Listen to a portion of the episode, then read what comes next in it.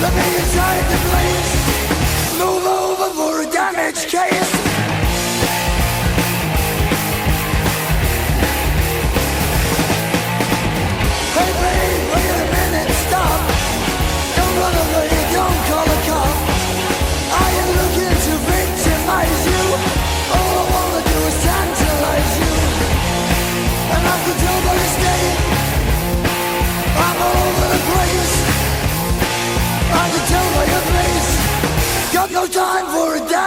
yes.